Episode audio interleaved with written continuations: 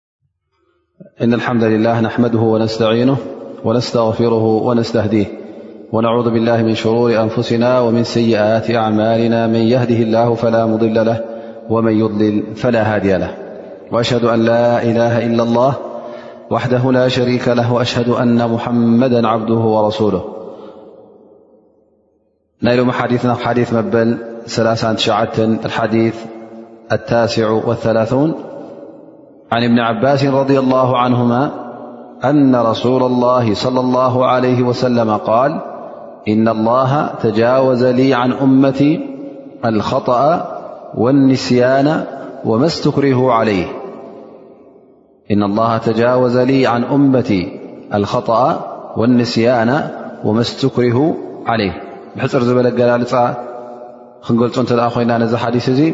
ነቢና ሙሓመድ ለ ላ ለ ወሰለም ይብሉ ኣላ ስብሓን ወተላ ንእመተይ ጌጋን ምርሳዕን ተገዲዶም ዝገበርዎ ነገርን እተገደዱሉን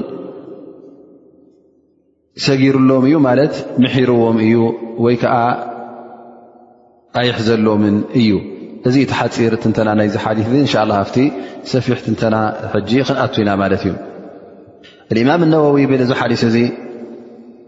ብዙሕ ፋይዳታት ኣገደስቲ ነጥብታት ዝሓዘ ሓዲ እዩ እንተ ነዚ ሓዲ እዚ ኣስፊሕና ክንገልፆ እተደኣ ደሊና ኣብ ሓደ ክታብ ጥራይ ዘይኮነስ ኣብ ብዙሕ ክታብቲ ምገለፅናዮ ነርና ኢሉ ይዛረብ ስለዚ እዚ ሓዲስ እዚ ሓፈሻዊ ፅቡቕ ፋይዳ ኣለዎ ምኽንያቱ ናይ ጌጋን ናይ ምርሳዕን ተገዲድካ ትገብሮን ኣብ ኩሉ ናይ ፍቂህ ጉዳያት ናይ ዕልሚ ጉዳያት ናይ ፍቂህ ማለት ናይ ፍቃ ዕባዳት ኣብ ሰላት ኣብ ስያም ኣብ ከምኡ ዝኣመሰለት ኣብ ዘካት ኣብ ኩሉ ይኣቱ ስለ ዝኾነ እዚ ሓዲስ እዚ ብጣዕሚ ኣገዳሲ ሓዲስ እዩ ፍርቂ ሸሪዓ ዘማልአ እውን ክንብል ንኽእል ይብል ማለት እዩ ምኽንያቱ ተግባር ወዲ ሰብ ወይ ክገብሮ እንከሎ ነይቱ ፈሊጡ ደይመደይሉ ናዘኪሩ እንከሎ ክገብሮ እዩ ባዕሉ መሪፁ ማለት እዩ ወይ እውን ንሓደ ነገር ክገብሩ ከሎ ወይ ብጌጋን ረሲዑ ወይ ከዓ ተገዲዱ ይገብሮ ማለት እዩ ማለት ወይ ፈትዩ ይገብሮ ፈሊጡ ወይ ከዓ ከይፈለጠ ተጋግዩ ወይ ከዓ ተገዲዱ ይገብሮ እዩ እዚ ኣብ ክልተ ይምቀል ማለት እዩ ስለዚ እዚ ሓዲስ እዚ እቲ ኣላ ስብሓን ወተዓላ ዝመሓረና ጌጋን ምርሳዕን ምግዳድን ይሕብር ኣሎ ማለት እዩ እንተ ደኣ ከምኡ ዘይኮነኸ እንተ ኣ ብጌጋን ብምርሳዕን ብምግዳድን ፈፂምካዮ ግን ትሕተተሉ ከም ዝኾንካ ይሕብር ማለት እዩ ተሓዲስ እውን ብኣንፃሩ ክንርድኦ እንተ ኮይና ተረድኦ ናቱ ዝበና እውን ብኣንፃሩ ኣሎ ስለዚ እዚ ሓዲስ እዚ ንገዛእ ርእሱ እቲ ሒዝዎ ዘሎ ትርጉም ቀጥታ ትርጉሙ ፍርቂ ሸሪዓ ዘማልአ ይኸውን ማለት እዩ ስለዚ እዚ ሓዲስ እዚ መሰረት የውድቕ ኣሎ ማለት እዩ ንሸሪዓ ዓብይ መሰረት ዑለማ ፉቃሃ ዝምርኮስሉ ሓዲስ ኮይኑ ይርከብ ምክንያቱ ጉዳይ ምርሳዕ ናይ ወዲ ሰብ ባህሪ ስለ ዝኾነ ጌጋ ውን ዘይጋገ ወዲ ሰብ ስለ ዘየለ እሞ ከዓ ኣብቲ ተግባራት ናይ ሸሪዓ ኣብቲ ዕባዳት ናትካ ኣብቲ ትእዛዛት ኣላ ስብሓን ወተላ ዝኣዝዘካ እንተ ተጋጊኻ እንተ ረሲዕካ ውሱን ነገር ወይከዓ ውሱን ፍርዲ ስለ ዘለዎ እሞ ከዓ እዚ ሓዲስ እዚ ቀንዲ ኮይኑ ይርከብ እቶም ፉቃሃ ንገዛእ ርእሶም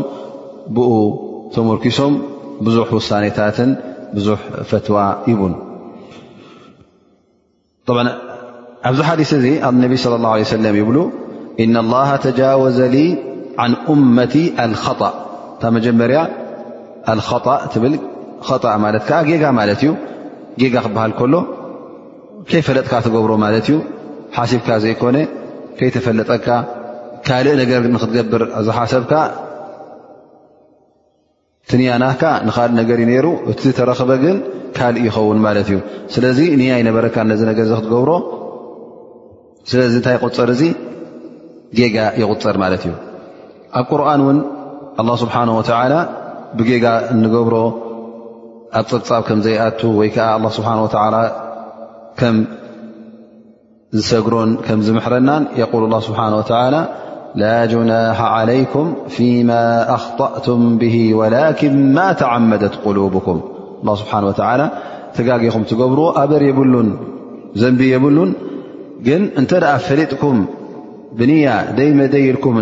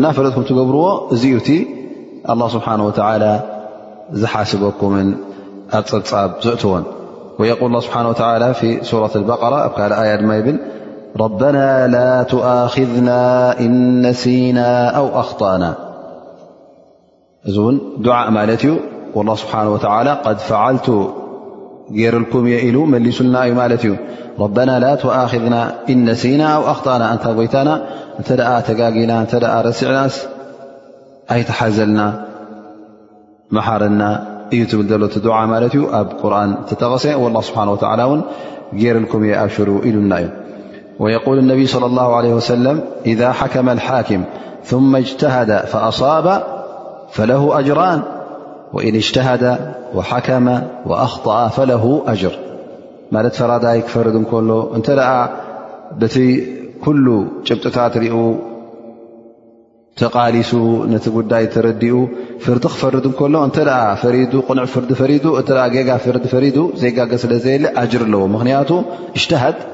ተቓሊሱ ዩ ናብ ሓቂ ንክበፅሕ ግን ምናልባሽ ሓቂ ረኸባ ንኸውን ተቓሊሱ ተቃሊሱ ዘይተጋገ ድማ ኣብታ ቅንዕቲ ነጥቢታ ቅንዕቲ ውሳነ እተ በፅሑ ድማ ክልተ ኣጅር ኣለዎ ማለት እዩ ሓንቲ ናይ ምቅላሱ ናይ እጅትሃድ ዝገበራ እታ ካልእቲ ድማ ናይታ ቅንዕቲ ፍርዲ ዝሃባ ማለት እዩ እዘን እዚ ሓዲስ እዚ ሎም መዓልቲ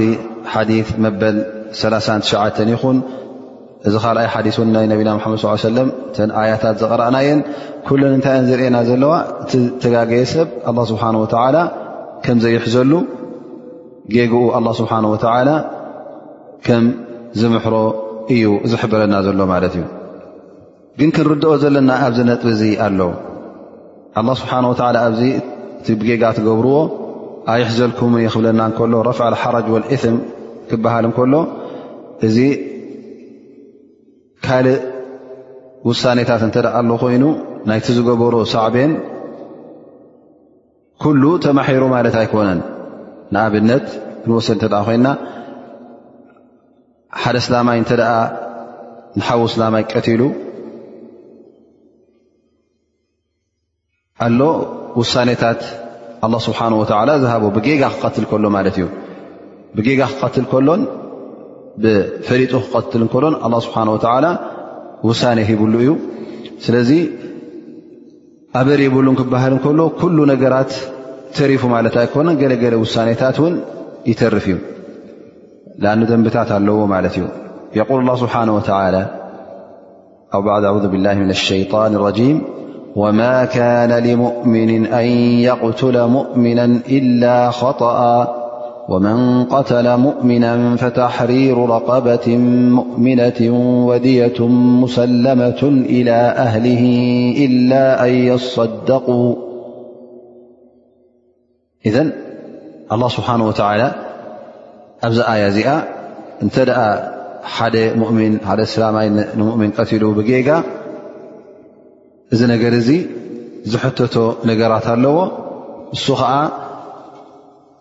እቲ ዘንብናቱ ምእንቲ ክቃለለሉ ኣብ ርእሲ እቲ ጋር ነፍሲ ምኽፋሉ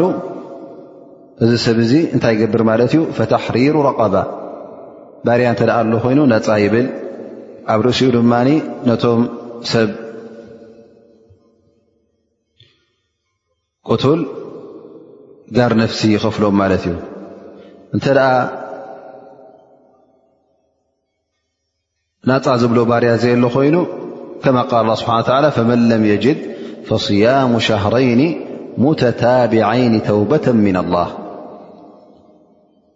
ወካነ ላሁ ዓሊማ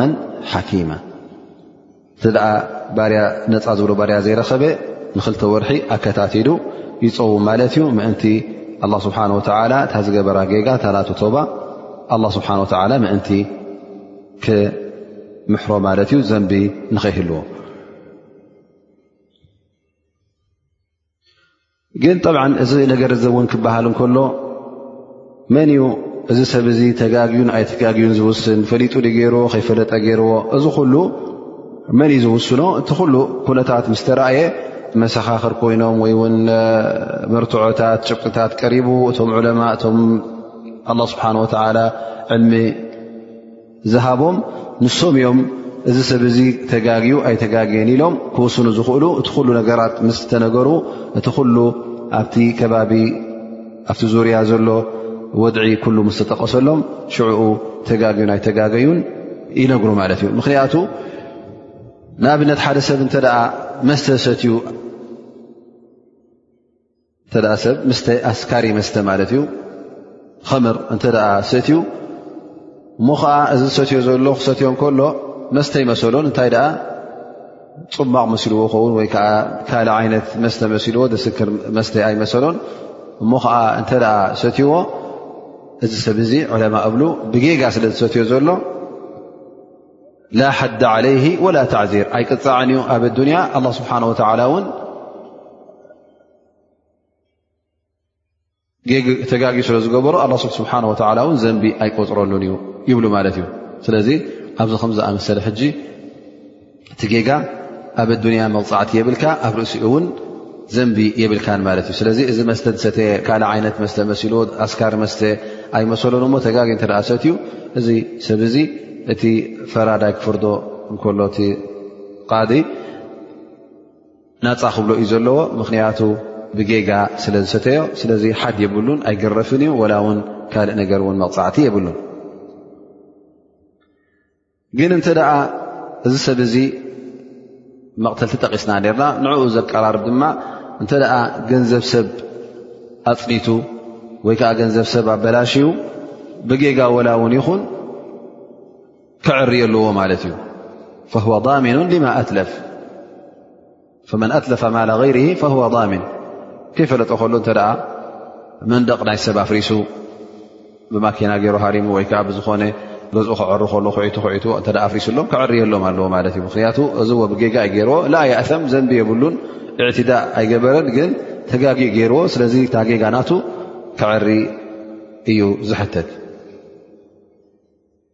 ብዛዕባ ናይ ምርሳዕ ድማ እንተ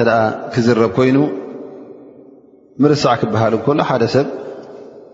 ዘንጊዑ ከይተፈለጦ ከሎ ሓደ ጉዳይ ክገብር እንከሎ ማለት እዩ ከይዘከረ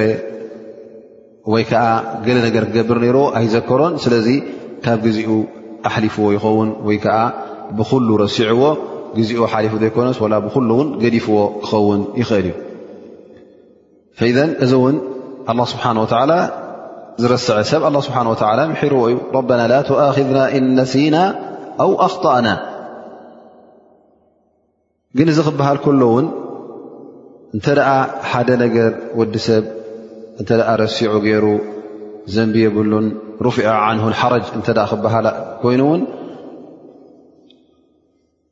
ሳዕቤን የብሉን ማለት ኣይኮነን ነቲ ጉዳይ ዝረስዖ እነማ ኣለዎ ከከም ደረጃ ናቱ ይረአ ማለት እዩ ግን ዘንቢ የብሉን ግን ነቲ ዝረስዖ ነገር ሓደሓደ ግዜ ግዴታ ወይ ክደግሞ ኣለዎ ወይ ከዓ ክፍፅሞ ኣለዎ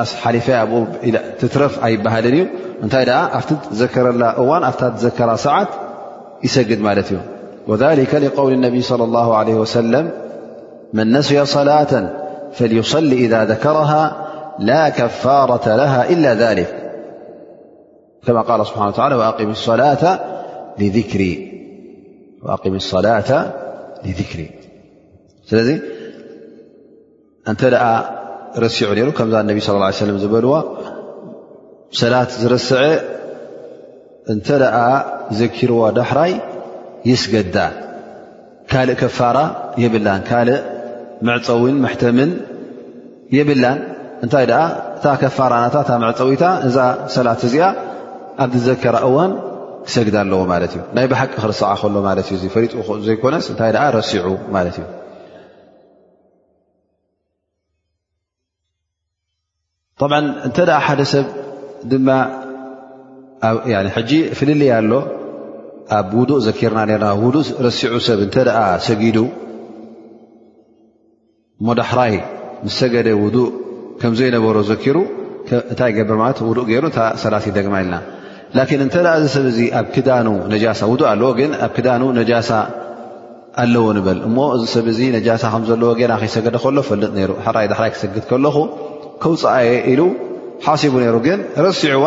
በዛ ነጃሳ ዘለዋ ክዳኑ ሰጊዱ ሰገደ ምስ ወደአ ምስ በለ ዘኪር ራ እ ሓሲበ ረ እንታይ ደ ገለሚታት ኢሉ እንተ ዘኪርዋ እዚ ሰብ እዚ ማዓፊ ን ላስ ሰላት ኣይደግማን እዩ ምክንያቱ ነቢ صለ ላه ለ ወሰለም ሓደ ግዜ ክሰግዱ ከለዉ እናሰገዱ ከለዉ ኣብ ጫሞኦም ጫሞኦም ተኸዶም ሰግዱ ነሮም እታ ጫሞኦም ድማ ነጃሳ ነይርዋ ይፈልጡ ይነበሩን ሰላት ጀሚሮም ዝሰገዱ ኣብ መንጎ ነታ ጫሞኦም ኣውፅኦማ ማለት እዩ እታ ሰላት ከም ብሓደሻ ጀመርዋን ግን ቀፂሎም ኣብኡ ከለዉ ዕለማ ይብሉ ዩስተፋድ ነቢ ስ ሰለም ክውፅዋ ከለዉ እንታይ ይብሉ ጅብሪል መፅኡ ነጊሩኒ እዛ ጫማ እዚኣ ነጀሳ ከም ዘለዋ ስለዚ ኣውፅኤያ ይብሉ ማለት እዩ ምኽንያቱ መጨረሻ እቶም ኣስሓብ ነቢ ስ ሰለም ልክዕ ከምቲ ናቶም ገይሮም ጫማኦም ምስ ኣውፅኡ ነቢ ስ ሰለም ሓቲቶሞም ማለት እታ ዳእኹምኩም ኢኹም ጫማኹም ኣውፅእኩም ምስ በልዎም ያ ረሱሉላ ንስኻ ጫማኻ ኣውፅእካ ርእናካ ኣውፅእና ይብልዎ ፈነቢ صለ ላه ለ ወሰለም ይብሉ ኣነ ጫማይ መውፅየይ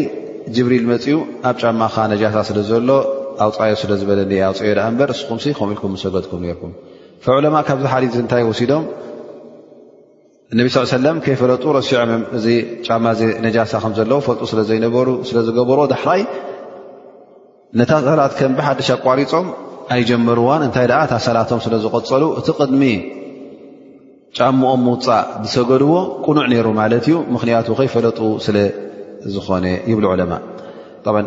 ኣብዚ ናይ ምርሳዕ ጉዳይ ዕለማ ብዙሕ ፍልልያት ይርእዩ ማለት እዩ ዓይና እዩ እቲ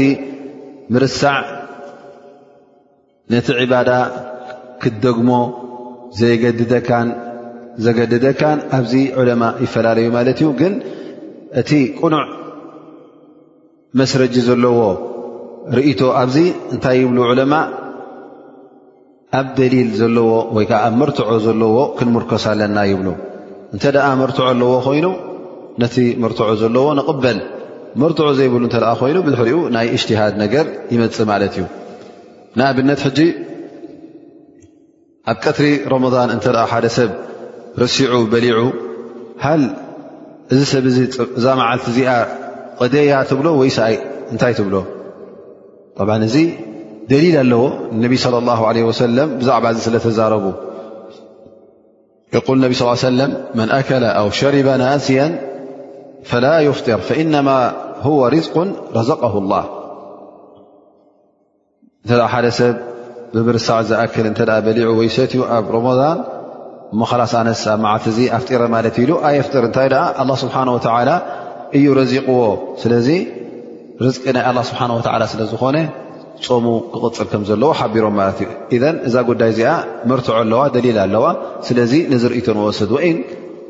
ገለ ዑለማ ካልእ ርእቶ እንተ ኣለዎም ኮይኑ እቲ ርእቶኦም ቅኑዕ ኣይኮነን ማለት እዩ ምክንያቱ እዚ ደሊል ስለ ዘለና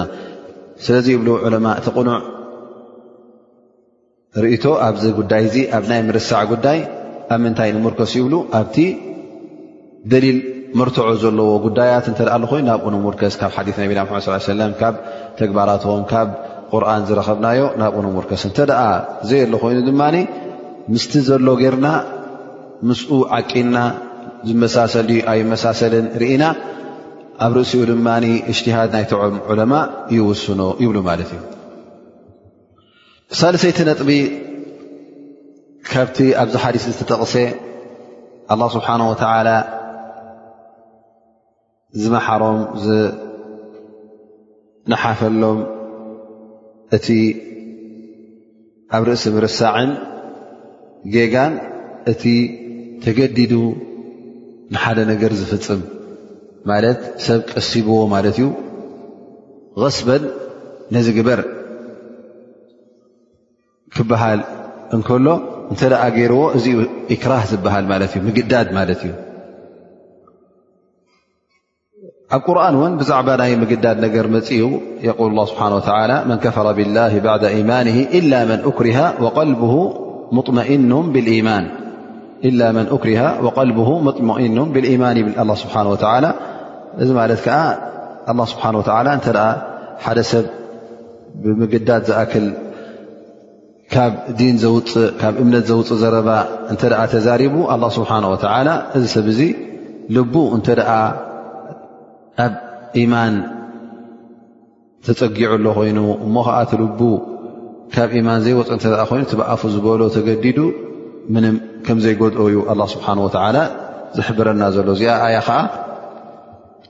ኣብ ሰይድና ዓማር እብኒ ያስር ዝወረደት ኣያ ትኸውን ማለት እዩ ምክንያቱ ዓማር እብኒ ያስር ምሰስለመ ቁሬሽ እቶም ገዛእቲ ናቱ ዝነበሩ እንታይ ገይሮም ማለት እዩ ከትኪቶም ቀጥቂጦም ንዓ እንተ ክንገድፈካ ደሊና ንመሓመድ ንነቢና ሓመድ ብስማዕ ብሕማቕ ስም ዘጠቀሶ ወይ ከዓ ኣነ እቶም ነእስኹም ተምልኽዎም ጎይቶት ንዖም እየ ዘምልኽ ኢልካ ተዛረቢ ኢሎም ካብ ናይ ኢማን ዘውፅእ ዘረባ ንክዛረብ ኣገዲዶሞ እሱ ከዓ ተዛሪቡ ማለት እዩ ምእንቲ ክገድፍዎ ምክንያቱ ኣብ ሃላክ ኣብ ሞት ኣብ ቃንዛ ስለ ዘብፅሕዎ ልቡ ምንም ሽግር ኣይነበሮን ኢማን ነይርዎ ማለት እዩ ግን ብምልሓሱ ንዕኦም ደስ ንከብል ንክገድፎ ኢሉ ተዛሪቡ ማለት እዩ ኣላ ስብሓን ወተላ እዚኣያ እዚኣ ኣውሪዱ እሞ ከዓ እቲ በዓል ልቢ በዓል ቅኑዕ ልቢ ማለት ልቡ ቀጢሉ እጥሚእና ናብ ኢማን ዘለዎ እዚ ወላ ብኣፉ ተዛረቦ ተገዲዱ ወላ ሓንቲ ከም ዘይጎድኦ ኣላ ስብሓን ወተላ ሓቢሩና ማለት እዩ ልማም ኣቁርጡቢ ይብል ኣጅማዓ ኣህሉ ልዕልሚ ማለት ኩሎም ዑለማ ነዚ ነገር እዚ ተሰማሚዖምሉ እዮም እሱ ከዓ እንተ ሓደ ሰብ ንክክሕድ ፀላእቲ መፅኦም እንተ ኣገዲዶሞ ክሳዕ ናብ ምቕታል ናብ ነፍሱ ምጥፋእ ናይ መቕተልቲ ወይ ከዓ ናይ ንነፍሱ ንምጥፋእ እንተ ተበጊሶም ወይ ከዓ ግደፎ ዝድንካ ኢሎም እተ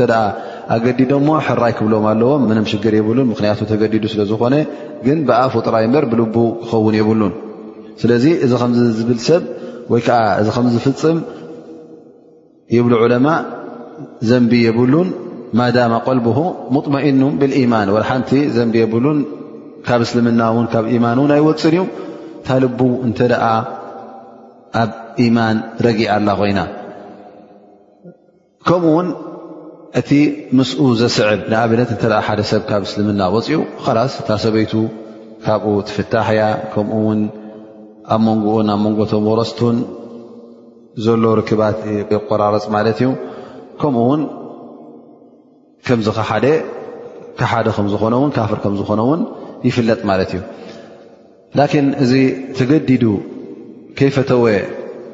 ናይ ክሕደት ዘረባ እተዛረበ ግን እዚ ኩሉ ኣይርእዮን ማለት እዩ ስለዚ ዘንቢ የብሉን ሰበይት ን በዓልቲ ቤት ውን ካብኡ ኣይትፍለን እያ ከምኡ ውን ክሒዱ እዩ ኣይበሃልን እዩ ምክንያቱ እቲ ዝተዛረቦ ዘረባ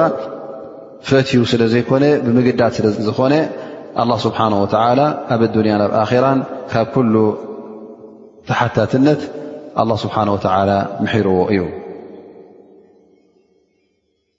ጠብዓ ኣብ ርእሲ እዚ እውን ዕለማ እተዛረብሉ ኣለዉ ብዛዕባ ናይ ኢክራህ ተገዲድካ ትገብሮ ንኣብነት ሓደ ሰብ እንተ ደኣ ኣብ ሓደ ቦታ ንኸይከይድ ወይ ከዓ ኣብ ሓደ ቦታ ንኸይኣቱ እንተ ደኣ ምሒሉ ነይሩ እሞ ገለ ሰባት ብሓይሊ ተሰኪሞም ከይፈተወ ናብዚ ቦታ እዚ እንተ ደኣ ኣእትዮምሞ ሃذ ረጅል ይብሉ ማሓላ ናቱ በቲኑ ማለት ኣይኮነን ስለዚ ዘንቢ የብሉን ይብሉ ዑለማ ከምኡ ውን ከፋራ ውን ኣይሕተትን እዩ ነዚ ማሓላ ናቱ ከፋራ ንክኸፍል ውን ተክፊር ማለት መቕፃዕቲ ስያም ኮይኑ ወይ ውን ንመሳኪን ሃብ ዝበሃል ማሓልኡ ስለ ዝበተነ እዚ ነገራት እዚ ንክገብር ኣይእዘዝን እዩ ላ ስብሓን ወተላ እውን ካብ ዘንቢ ምሒርዎ እዩ ምክንያቱ ኣብ ኢዱ ዘለ የለን ምክንያቱ ተሰኪሞም ብሓይሊ ደፊኦም ስለ ኣብቲ ቦታ ስለ ዘእተውዎ ንሱ እውን ፈትዩ ይኮነን ዝገብሮ ዘሎ ስለዚ እዚ ኢክራህ ይበሃል ማለት እዩ ተገዲድካ ወይ እውን ንኣብነት ሓንቲ ጓል ንሰይቲ እንተ ጨውዮም ዞምዮምላ እዛ ሰብ እዚኣ ውን ብሓይሊ ተገዲዳ ተኣሲራ ወይ ውን ኣብ ትሕቲ ፀቕጢ ናይ ሓይሎም ገይሮም እንተ ፈፂሞ ሞ እዛ ሰብ እዚኣ ውን ዘንቢ የብላ ምክንያቱ እትገብሮ ነገር ስለ ዘይብላ ፈትያ ኣይኮነትን እናፀልኦቶ ኮለያ ገይራቶ ዘላ ስለዚ ዘንቢ የብላን ከምኡ ውን ሓድ ማለት መቕፃዕቲ ኣይትቕፃዕን እያ ካልእ ዓይነት ድማ ኣሎ ከምዚ ምግዳድ እንከሎ ግን ውሳነናት እውን ተፈለየ ምኽንያቱ ገለ ንኽትሓሪ እንተ ዕድል ኣለካ ኮይኑ ናይ ምሕራይ ዕድል ኣለካ እተ ኮይኑ ተገዲድካ ኣይትበሃልን ኢኻ ንኣብነት ሓደ ሰብ እተ ንሰብ ንክሃርም እተ ተገዲዱ ወይ ከዓ ሓደ ሰብ ህረም ኢሉ እተ ገዲዶ ሃ ረል እንታይ ይኸውን ሃል ይሃርም ዶ ወይስ እንታይ ይገብር ይሃርም ዶ ወይስ ኣይሃርምን ይብሉ ዕለማ እዚ ሰብ እዚ ክሃርም የብሉን ምክንያቱ ክሃርም ከሎ ሓላዋን ነፍሱ ስለ ዝገብር ዘሎ እዚ ሰብ እዚ ክኣቢ ኣለዎ ክኣቢ ኣለዎ ምኽንያቱ እንታይ እዮም ክገብርዎ ክትክትዎ ድኦም ላስ ክኽትከት ኣለዎ ስለምንታይ ንካልእ ሰብ ዝኽትክት ሱ እሞ ምግዳድ የለን ማለት እዩ ስለዚ ንሱ ነብሱ ንክሕሉ ኢሉ ንካልእ ሰብ ንክሃርም ኣይፍቀድን እዩ ልክዕ ከምኡ ውን እንተ ሓደ ሰብ ኣገዲዶም ያፍዳ ንዓ ንዚ ከምዝኣመሰለ ሰብ ቅተሎ ወይ ንዓኻ ክንቀትለካ ኢና እተ ኢሎ እሞ እዚ ሰብ እዚ እንታይ ይገብር ይቀትል ዶ ኣይቀትልን ይኸዋን ክቐትል ኣይፍቀዶን እዩ ኣጅማዕ ዑለማእ ዛሊክ እዚ ሰብ እዚ ንኻልእ ሰብ ይቐትል ኣሎ ማለት እዩ ነፍሱ ንኽሕሉ ኢሉ ስለዚ ክቐትል የብሉን ወላ እውን ይቀተል ምክንያቱ እሳ ኩላ ምቕታል ምቕታል እያ እታ ምሕላፍ ነፍሲ ኩላ እያ ስለምንታይ ብኢዱ ነፍሲ ሰብ ካልእ ዘሕልፍ ስለዚ እንተ ቐትልዎ ኮይኖም ላስ ንዓይ ቀተሉን እምበር ኣነስ ኣይቀትልን እንታይ ገድሹኒ ዘንቢ ዝስከም ኢሉ ክኣብ ኣለዎ ማለት እዩ እንተ ቀትሉ ግን ሕራ ኢሉ እንተ ቀትሉ እቲ ዝለኣኾን ንሱን ክልቲኦም ንመቕተልቲ ይፍረዱ ሃ ራእይ ጀምሁር ዑለማ ምኽንያቱ ክልቲኦም ስለ ተሻረኹ ክልቲኦም ነዚ ነገር እዚ ይስከምዎ ማለት እዩ ይቕተሉ ማለት እዩ ግን ካልእ ነገራት ካብቲ ናይ ዒባዳ ነገር ዝጠቐስናዮ ሓደ ሰብ እንተ ደኣ ብምግዳድ ገይርዎ ከይፈተዎ ገይርዎ እዚ ነገራት እዚ እንሻ ላ ኣላ ስብሓን ወተዓላ